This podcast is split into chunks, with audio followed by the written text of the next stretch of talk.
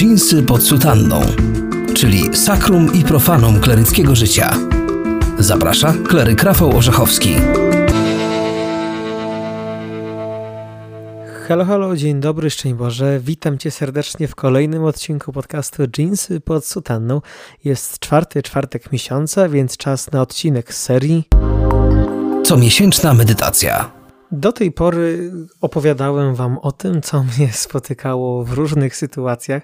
Inspirowaliśmy się Kiarą Badano lub też zastanawialiśmy się, dlaczego w ogóle młodzi ludzie decydują się na wstąpienie na drogę powołania. A dzisiaj chciałbym, abyśmy stanęli obok siebie i posłuchali tego, co mówi do nas Bóg. Zanim jednak przeczytam Ewangelię i zanim wspólnie będziemy ją medytowali, to zapraszam Cię do tego, abyś postarał i postarała się wyciszyć. Na tyle, na ile to możliwe, skup się, e, tak abyś został i została tylko sam lub sama.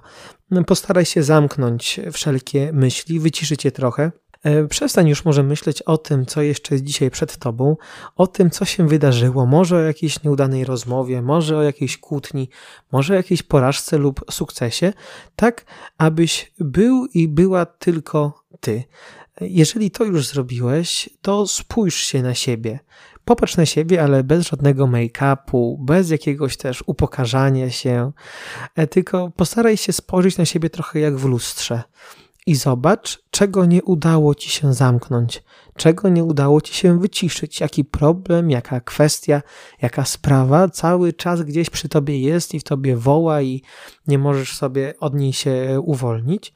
I uśmiechnij się do tego. Widocznie to jest ta rzecz, która po prostu, której nie przeskoczymy w tej medytacji, e, więc po prostu postaraj się razem e, z tym wszystkim, od czego nie udało ci się uciec, wejść w to słowo, które za chwilę przeczytam. Z Ewangelii według świętego Łukasza. Jezus opowiedział im też przypowieść. Czy może niewidomy prowadzić niewidomego? Czy nie wpadną w dół obydwaj? Uczeń nie przewyższa nauczyciela, lecz każdy dopiero w pełni wykształcony będzie jak jego nauczyciel. Czemu to widzisz drzazgę wokół swego brata, a belki we własnym oku nie dostrzegasz? Jak możesz mówić swemu bratu: Bracie, pozwól, że usunę drzazgę, która jest w twoim oku, gdy sam belki w swoim oku nie widzisz? Obłudniku, wyrzuć najpierw belkę ze swego oka, a wtedy przejrzysz, ażeby usunąć drzazgę z oka swego brata. Nie jest dobrym drzewem to, które wydaje zły owoc, ani złym drzewem to, które wydaje dobry owoc.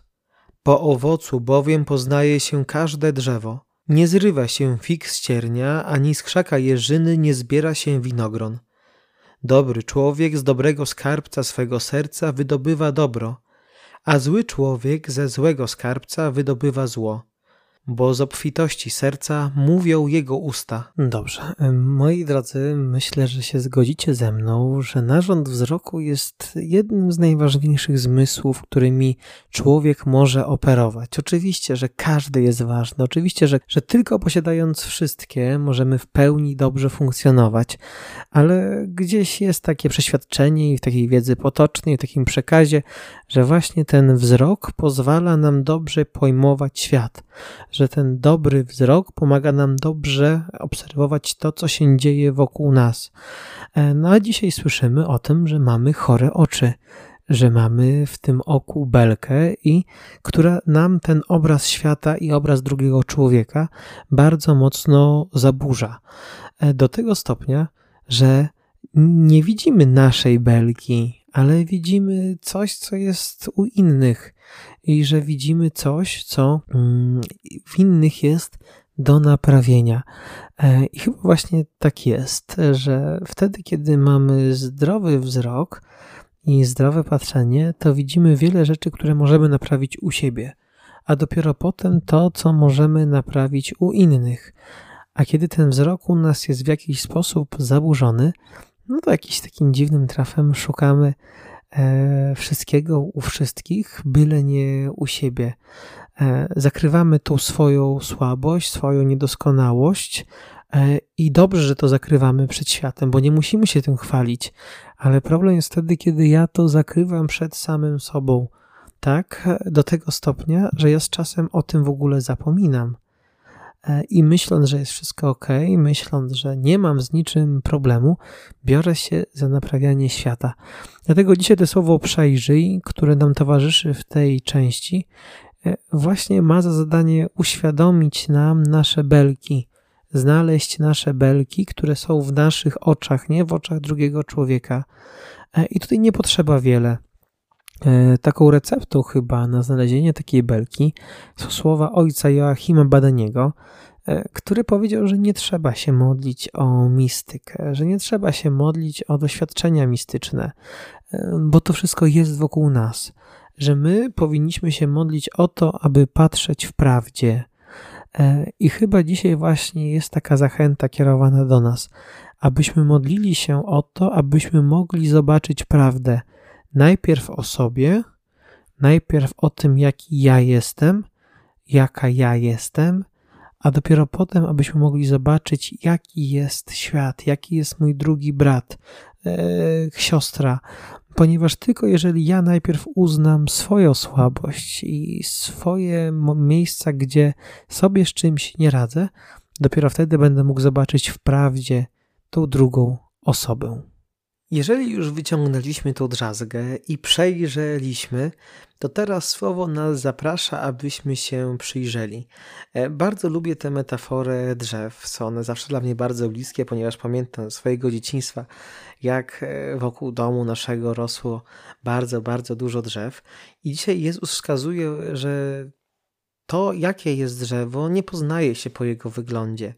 E, nie poznaje się po jego wielkości, po jego gałęziach, po jego liściach, ale zawsze poznaje się po jego owocach. I tak się zastanawiam, ile razy kogoś, czy coś, e, czy jakąś sytuację oceniamy właśnie na pierwszy rzut oka, ponieważ nie mamy czasu, ponieważ nie mamy ochoty, ponieważ nie mamy siły, aby mu się przyjrzeć. A dzisiaj Jezus zaprasza nas, aby nam się właśnie zachciało, aby nam się zachciało chcieć, aby nam się zachciało poświęcić e, trochę czasu i abyśmy mogli się przyjrzeć Jego owocom.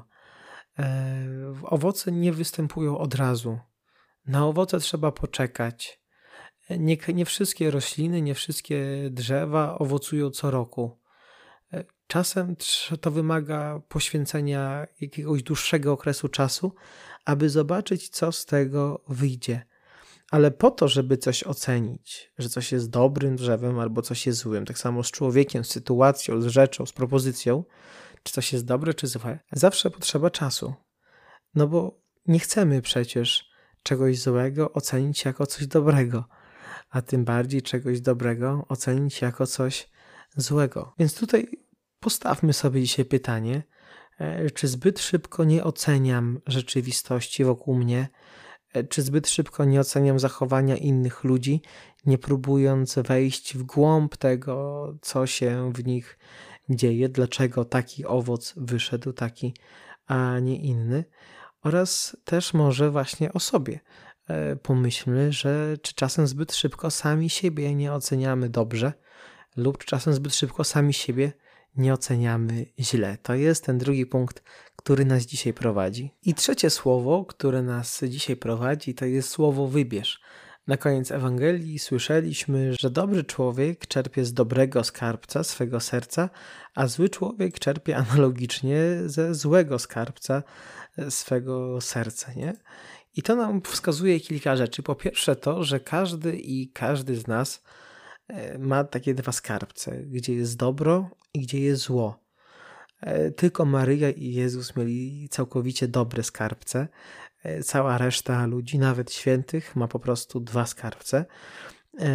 I chyba cały szkoły tkwi w tym, aby z każdym dniem coraz bardziej, coraz częściej, coraz więcej czerpać z tego dobrego skarbca, aby wybierać z tego dobrego skarbca dla każdego z dobrego skarbca, nawet jeżeli to jest trudne i nawet jeżeli może w tym momencie Twojego życia nie umiesz dla niektórych osób y, wyciągać rzeczy z tego dobrego skarbca.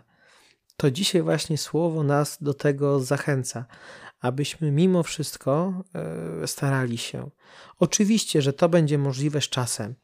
Oczywiście, że to będzie możliwe dopiero wtedy, kiedy na początku przejrzę, a potem przyjrzę się i w tym wszystkim będzie mi towarzyszył Jezus.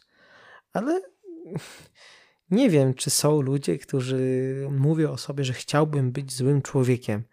E, raczej każdy mówi o sobie, że chciałby być dobrym człowiekiem, nawet jeżeli to dobro rozumie dosyć opacznie czy niewłaściwie. Dlatego poprośmy dzisiaj Jezusa, aby pomagał nam wybierać te dobre rzeczy z dobrego skarbca swojego serca, nawet dla tych, którzy niekoniecznie są też dobrzy i którzy niekoniecznie z tego dobrego skarbca czerpią dla nas.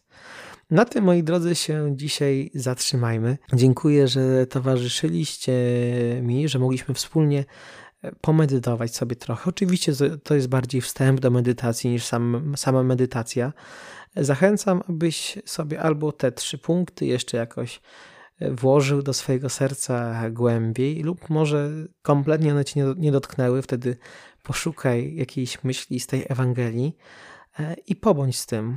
Postaraj się tym napełnić, postaraj się tym nasycić, tak aby w tobie to pracowało. Nie ograniczę się do tych 13-15 minut e, tego podcastu, tylko po prostu pobądź z tym słowem.